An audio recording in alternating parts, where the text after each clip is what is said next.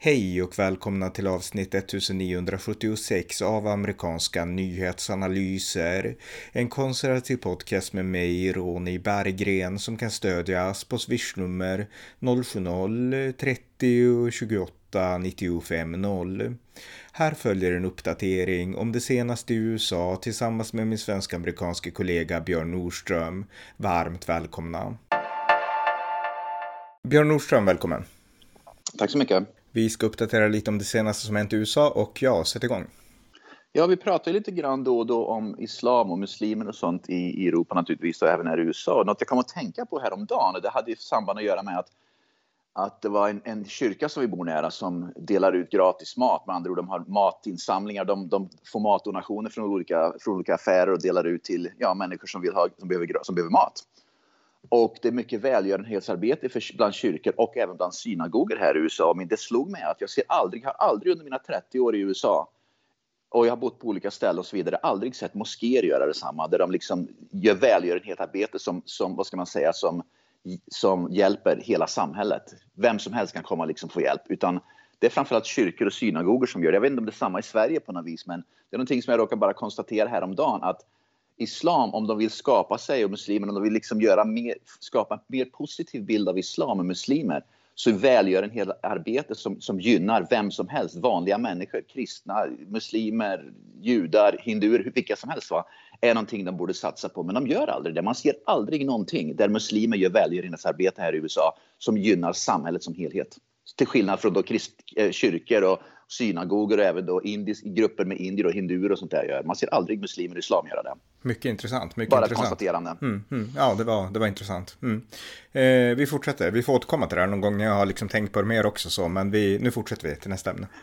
Ja, jag såg att uh, judiska studenter som går på uh, det är inne på samma spår lite grann. Judiska studenter som, som studerar juridik på Georgetown University i Washington DC är öppet nu rädda för att visa att de är judar. För att de är, de är rädda för Washington DC är ju då det är väldigt mycket brott där och kriminalitet och det, det, är, det är förmodligen ganska mycket antisemitism med för att det är rätt mycket vänsterliberalism och då, ja, det som, som är där. Så i alla fall uh, judar som studerar juridik på Georgetown University, ett väldigt fint anrikt universitet i, i, Washington DC, är rädda nu för att visa att de är judar. Så att mm. det, tyvärr, det börjar liksom sippra in i samhället överallt nu att vara jude i USA till och med kommer med med eh, tyvärr negativa konsekvenser. Och våra bästa vänner är, judis, är judar.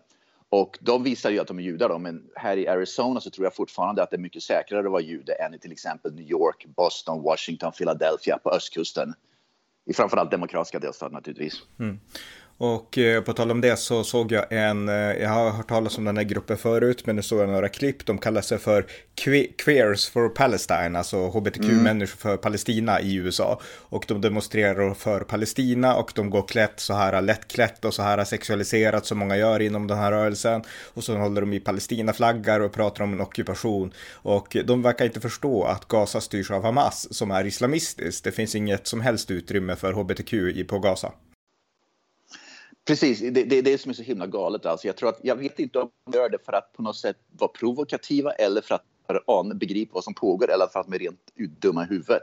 Men de förstår inte att de själva, om de reste till Gaza och betedde sig så, skulle bli slaktade på sekund. Ja, nej precis. Verkligen. Ja, fortsätter. Något mer? Ja, det var en professor på ett universitet, University of California, uh, Davis, det ligger i Kalifornien då, som la ut ett inlägg i social medier där han i princip hotade barn till, eh, till judar. Um, hmm. till, till, till, journalister. Han hotar barn till journalister som stöder Israel, med andra ord. Så om du, om du, om du är journalist och stöder Israel i Kalifornien ungefär så, så blir du hotad då. Barnen, dina barn blir hotade då av en, en professor. I, hade det här, nu hoppas man att en sån ska få sparken, men eftersom det är Kalifornien så tvivlar jag på att en sån ska få sparken. Vi pratar ju om att det är någon i Miami och så var det någon i Philadelphia vart nu som fick sparken för att de var helt enkelt antisemiter. Men i Kalifornien kom man undan med precis vad som helst. Och jag såg också en intressant statistik att våldsbrotten 2022 i USA har minskat i princip i hela USA, utom i Kalifornien där de har ökat med 4 3,5-4 procent. Mm. Så i princip alla delstater har färre våldsbrott förra året än året innan utom Kalifornien. Så Kalifornien går helt åt fel håll. Och det får vi prata om mycket också i San Francisco, Los Angeles och så vidare. och så vidare. Alla våldsbrott som pågår där. Mm, och på tal om Kalifornien och antisemitism som du var inne på så har Arnold Schwarzenegger släppt en video igår. Och eh, där tar han ton då mot antisemitismen. Han visar filmklipp på sig själv när han besöker Auschwitz, alltså det nazistiska utrotningslägret från andra världskriget. Och han berättar att antisemitism är helt oacceptabelt. Och den är till 99% en superbra video. Men den procent som inte är bra, budskapet är helt korrekt men det är att de bilder som han ak ackompanjerar till antisemitismen, det är ju sådana skrikande nazister ja, från Charlottesville och liknande, ja, det är inte liksom ja, muslimer. Så att jag menar, dagens antisemitism, okej okay, i USA finns det fortfarande nynazism, men, men liksom det stora hotet är ju liksom den islamiska fanatismen.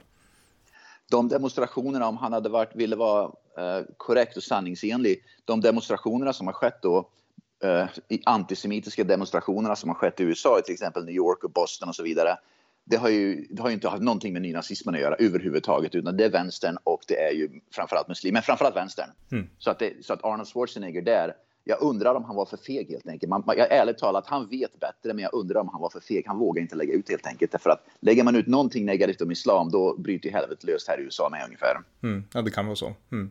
Ja, vi fortsätter. Något mer? Ja, det här var en grej jag läste i Sverige. Det var, det är mer en svensk nyhet, men det, var fan, det, det visar hur, hur Sverige agerar. Det var tydligen en, det var, det var en kille, en, en, en um, tror en kille, men i alla fall som jobbar på en förskola i Sverige som blev, um, som blev tillsagd av förskolan att ta av sig sin kippa. Han ska inte visa, han får inte visa att han, att han är jude i, i förskolan. Mm. För att förskolan tolererar inga, uh, inga, inga religiösa symboler. Däremot muslimers, muslimska kvinnor som jobbar där får fortfarande ha slöjorna på sig. Och det var han la ut och sa att jaha, vi med kippa måste ta av det, men muslimska kvinnor med slöjor, de får fortfarande visa religionen.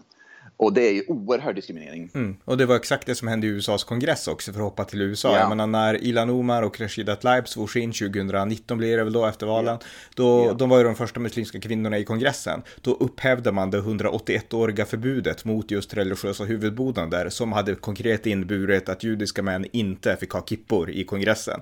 Men Rashida Tlaib och eh, Ilan Omar, de fick ha hijabs. Och det beror ju på att det var väl Nancy Pelosi då som var... Mm, mm, så min gissning är att det var väl hon som, precis, det var hon som bestämde det. Hade det varit en republikansk kongress hade de inte brutit, äh, inte, inte uh, brutit mot den traditionen tror jag. Kan hända. Mm. Eh... Ja, och på tal om, på tal om Rashida Tlaib bara snabbt. Um, en republikansk kongresskvinna, vad heter hon? Mar Marjorie Green Taylor eller något sånt där mm. i alla fall. Marjorie Taylor fall, Green. Mm. Ja, precis. Tack så mycket. Hon i alla fall vill lämna hon ska lämna in en resolution nu för att censurera Rashida Tlaib för antisemitism. I praktiken betyder det ingenting, men i teorin så säger man att du, du är en vidrig person, du måste hålla käften. Mm. Bra, det låter jättebra. Yep. Mm. Något mer? Jajamän, Adam Schiff. vi vet ju att han är en total lögnhals. Va? Så för några dagar sedan så gick han ut och förklarade. Han är, han är väldigt oroad nu om det blir en republikansk om, om till exempel, det var innan Jim, ja, det var när Jim Jordan då var aktuell som kanske Speaker of the House och vi har pratat om det att så blev det ju inte. Men det är väl inte över än. Men i alla fall, Adam Schiff gick ut och sa att han är väldigt oroad över att om Jim Jordan blir Speaker of the House så kommer Jim Jordan att bli den som räknar electoral votes i kongressen under presidentvalet. Samma Adam Schiff begriper inte att det inte Speaker of the House som, som vad ska man säga, står för rösträkningen i kongressen under presidentvalet. Det, det är vicepresidenten som står mm. för rösträkningen. I senaten, alltså det, exakt. Precis. Mm. Precis, mm. precis. Det är helt otroligt att Adam Schiff går ut och säger sådana här och det visar återigen antingen han totalt inkompetent eller så bara ljuger han ja, rakt ut. Men han måste ljuga för jag menar, han, har själv, alltså, han måste veta hur kongressen där han känns och själv fungerar och sen måste han ju minnas hela det här spelet att det handlade om senaten, det handlade om vicepresidenten liksom. Så jag menar det, eh, som då är en del av senaten. Så att jag menar det ja, alltså han måste ljuga. Det, det är min slutsats. Mm.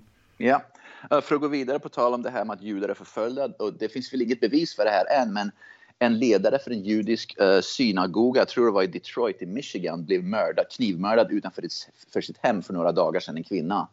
Det finns inga bevis att det är ett hatbrott, men det är väldigt mysko att helt plötsligt så knivmördas en, en en ledare för en synagoga utanför sitt hem i mm. Michigan, i Detroit. Nu är det, nu är det inte så att det är ovanligt att folk mördas i Detroit, men att någon mördas utanför sitt hem och råkar vara en, en, en, en judisk ledare i, i samhället är väldigt skumt. Mm, ja. ja, vi får se om det var ett hatbrott eller om det bara var ett rån av någon som inte alls visste mm, mm, att det var en Precis, jude. men man blir, man, liksom, man, man, man, blir ju lite konspiratorisk när sånt där sker helt plötsligt. Mm. Ja, ja, utan tvekan. ja. Ja, något mer?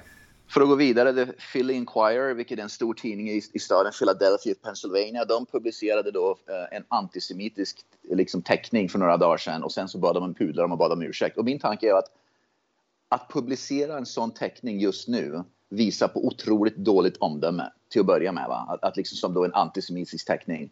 Och att sen be om ursäkt spelar ingen roll för det visar att ditt omdöme från början, antingen är ni antisemiter och ni publicerar den med flit eller så har ni bara dåligt omdöme. Oavsett så borde folk få sparken just nu för det där. Men mm. det, det liksom bara visar ju att det är en vänsterliberal tidning förresten. Så att jag skulle inte bli förvånad om de gjorde det medvetet och de sen bad om ursäkt bara för att liksom leka som att det inte hade hänt. Va?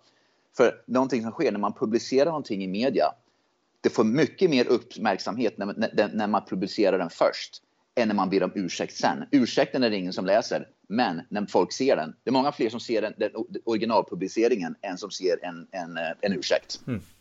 Så är det. Mm, något mer? Ja. Ja.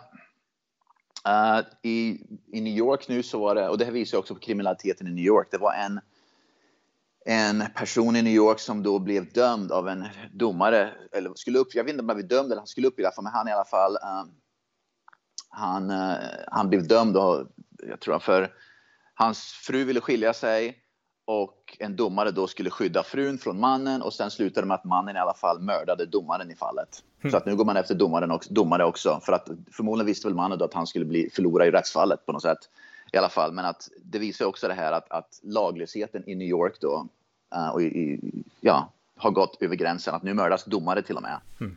Inte av maffian utan av vanliga människor. Så liksom, domare som sitter i rättssalen och ska döma mot män som är kriminella kan inte längre gå hem och leva liksom ett normalt liv därför att de blir förföljda och kanske mördas. Total laglöshet alltså? Mm. Ja, det, mm. det, är otroligt. Men mm. det, det, är tyvärr så där vi är nu. Ja, något mer? Ja, i New York, och det här var väl inget så det är samma som i Sverige, va? men i demonstrationen i New York för några dagar sedan mot antisemitismen, då skanderar de precis som de gjorde i Sverige, de gör på Sergels torg i Sverige. Nej, att man ska, mot Israel alltså? Mot, mot Israel, ja. ja. Förlåt, mot Israel skanderar då precis som i Sverige då att de ska, man vill eh, eliminera i, eh, judar och Israel med andra ord. Och jag hade en kompis, han var på eh, uh, demonstrationen i Sergels torg där de skanderade just takkör, att liksom, ungefär som utrota judar, utrota judar. Och han började diskutera och debattera då tydligen med eh, med folk och sa vad, vad håller ni på med? Det här är ju galenskaper som skriker. Han blev anklagad för att, för att vara en nazist därför att han ville skydda judar från att bli utrotade. Så nu i galna Sverige då är man, om man vill skydda judar från utrotning är man nazist. Men man är god om man vill utrota judar. Alltså det är helt sinnessjukt det som mm. pågår nu. Ja, nej, vi måste totalt ändra liksom perspektiv på det här och börja trycka tillbaka de här krafterna och börja upphäva medborgarskap, skicka tillbaka människor som inte, alltså vi kan inte ha ja. det så här i Sverige, utan Sverige håller på att bli oigenkännligt, alltså om vi tillåter det här att fortsätta. Så ja. att, eh, ja, vi fortsätter ja. mer. Ja, vi har pratat om Dave Chappelle några gånger, det är en komiker här mm. i USA och han har, vad ska man säga, ta ton då mot, mot här woke-rörelsen och allting. Och det här begriper inte jag vad han gjorde. Han, eh, han, har börjat, han kritiserar öppet nu Israel. Han hade en show, jag, minns, jag tror det var i Boston faktiskt. Så Dave Chappelle hade en show, komedishow, stand-up komedishow i Boston. Han kritiserade Israel för att de ska försvara sig mot Hamas, men tydligen var det många där som gick ut. De promenerade rakt ut när han började kritisera Israel. Mm. Men att hur Dave Chappelle har gått ifrån att kritisera woke till att bli antisemit och kritisera Israel och bli woke själv, det, det förstår jag liksom inte hur den hur han kunde ha vandrat den vägen. Men, ja, men jag tror det, det som vi var inne på tidigare, alltså amerikaner fattar inte den här stor, alltså de fattar inte Mellanöstern, de fattar inte islam. Nej, precis, det, precis, precis. I alla fall, men i alla fall, det var många som gick ut tydligen mm. från där som liksom var på showen då de bara ställde sig upp och promenerade rakt ut. Va? Så att de sände en klar signal till honom att det här var liksom oacceptabelt. Mm, mm. Ja, något mer? Ja, en, Eh, jag läste också, det här är väl inte med, men det är tydligen en son till en ledare av Hamas. Då. Jag vet inte om han har flytt från Hamas, eller jag, jag, jag, jag har inte läst hela historien, men i alla fall det han har gått ut och sagt är att Hamas bryr sig inte ett skvatt om, om palestinier och människor i Palestina. De, de, de river ju upp sina egna vattenrör nu för att använda till raketer. Va? Så det är därför som, som det står i svenska tidningar då, det här är, svenska tidningar är så himla missledande i sånt här.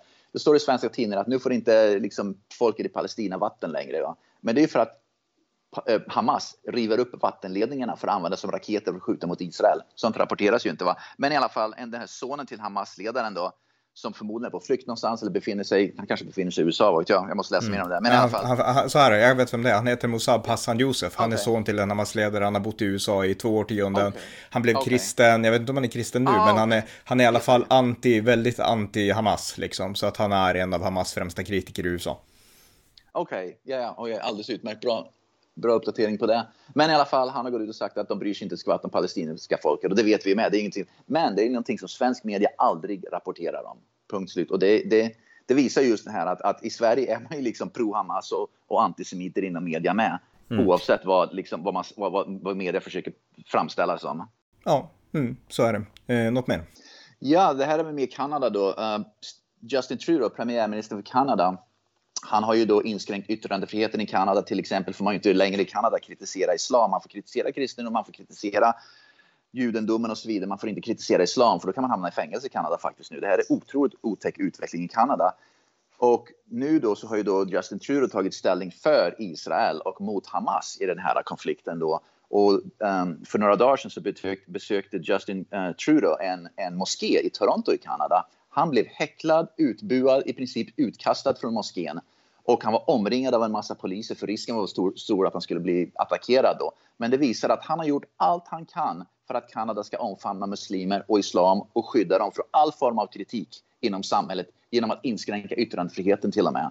Men han blir fortfarande häcklad och, och vad ska man säga, och utkörd från en moské att muslimer i Kanada vill inte ha något med honom att göra. Och det visar då att liksom, det spelar ingen roll vad man gör. Nej. Det tar aldrig slut på kraven från den muslimska diasporan helt Nej, enkelt. De låtsas bara att de vill ha tolerans men i själva verket vill de dominera och ha islamisk lag. Det är det det handlar om. Så att jag menar, man, kan inte, man kan inte tillgodose de här utan man måste bara säga stopp. Nu är det våra lagar och ja. våra regler som gäller. Precis. Mm. Ja. Ja, något mer? Uh, Ja, vi pratar ofta om att vänsterliberaler och de här vänsterliberala delstaterna i USA är de som är mest rasistiska. Det här är ett utmärkt exempel. Delstaten Oregon som är väldigt vänsterliberal, de kallar sig progressiva och regressiva. De har tagit bort nu från gymnasiestudenter som är svarta gymnasiestudenter behöver inte uppnå vissa, vissa eh, vad heter det, eh, lärokunskapsmål därför att man anser i Oregon att officiellt säger man att om man är svart så behöver man inte uppnå vissa mål därför att det är orättvist mot svarta att de ska behöva ha samma krav på sig som andra. Därför att det blir för svårt att... Men det de egentligen säger var att svarta, ni svarta är inte kompetenta eller är kapabla att, att klara kunskapsmålen i skolan så därför tar vi bort dem så ni kan ändå få en gymnasie, en, ett gymnasie, vad heter det? Ah. Betyg. Betyg, ja precis.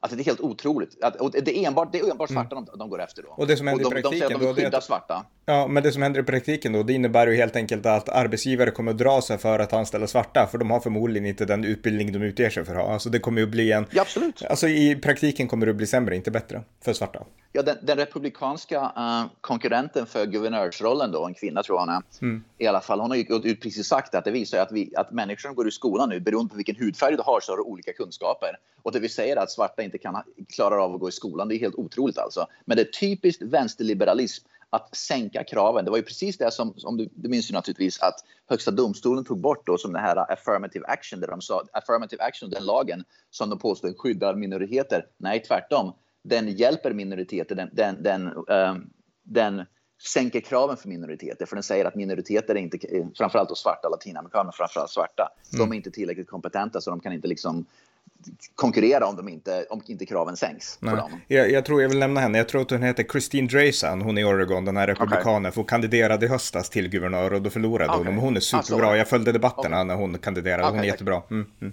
Ja. Ja, Nästa grej är att ja, rapartisten 50 Cent, han är ju väldigt stor. Han gick ut rejält och, och gav uh, Joe Biden. Joe Biden är ofta på semester i Delaware nu. Han är liksom på semester var och varannan dag och 50 Cent gick ut och sa rakt ut, han svor till och med han liksom sa att Joe Biden, vad fan håller du på med? Du är på semester konstant när det här och när du borde egentligen styra upp landet och se till att, liksom, ja, med andra ord, Israel och, och Palestina och allt det där pågår och du är på semester konstant. Vad, vad håller du på med? Han vilar. Så, precis, och det är intressant därför att 50 Cent, det är framförallt många ungdomar och framförallt många svarta ungdomar som lyssnar på honom. Det, det är liksom, han, han, hans målgrupp är inte pensionärer, va, utan hans målgrupp är då att ungdomar, framförallt svarta ungdomar. Va? Så när han säger någonting om Joe Biden, det kan påverka faktiskt hur svarta yngre människor röstar i nästa presidentval. Mm.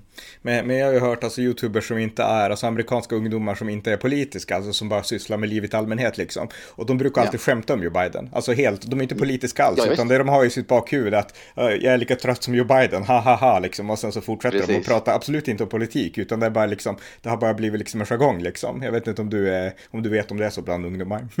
Man ser det ofta att det har blivit ett, ett, liksom ett, ett skämt skämt som folk håller på med som inte Mm. har något med politik att göra. Att man liksom drar ett skämt bara man talar om för en kompis att jag är Joe Biden trött idag. Okej. Liksom, det, det är så bokstavligen folk håller på nu alltså. Ja. Att det visar att man har ingen respekt för Biden längre. Utan Joe Biden trött, det betyder att jag måste gå och sova, jag måste gå och lägga mig. Ja, det visste jag inte. Eller ja, jag börjar Ja. förstå att det är så. Mm, intressant. Ja, Ja. Något mer? Mm. En sista grej som jag har, det är att vi pratade om till exempel, jag nyligen då, av den här podden om Washington DC. Och borgmästaren i Washington DC som är vänsterliberal, en svart kvinna, men det spelar egentligen ingen roll. Men hon är i alla fall vänsterliberal och hon var en av de som ville defunda polis och, hon, och brottsligheten gick ju dramatiskt upp i Washington.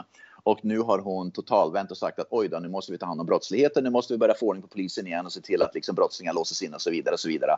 Återigen, en stad i den här långa listan av städer, Portland, Oregon, Seattle, Washington och så vidare, New York City och så vidare, va? där man experimenterar med människors liv och säkerhet bara för att man vill införa en viss ideologi för att det sen går åt helvete och då måste man gå tillbaka till det, det normaltillståndet vilket är att man har en polis och man har ett, rätts, ett rättsväsende som, som dömer brottslingar. Och då har man förstört många människors liv och en massa människor har blivit mördade, utsatta för våldsbrott och olika typer av brott enbart för ideolo- ideologiska syften. Hon heter Marielle Bowser, den här guvernör- eh, borgmästaren då i. Washington DC. Mm. Tack så Ja, mycket. något mer? Nej, det var allt för idag. Ja, men okej. Ja, men tack Björn. Ja, tack. Tack för att ni har lyssnat på amerikanska nyhetsanalyser. En konservativ podcast som kan stödjas på swishnummer 070-30 28 95 0 eller via hemsidan på Paypal, Patreon eller bankkonto. Skänk också gärna en donation till valfri Ukraina-hjälp eller Israelinsamling. Allt gott tills nästa gång.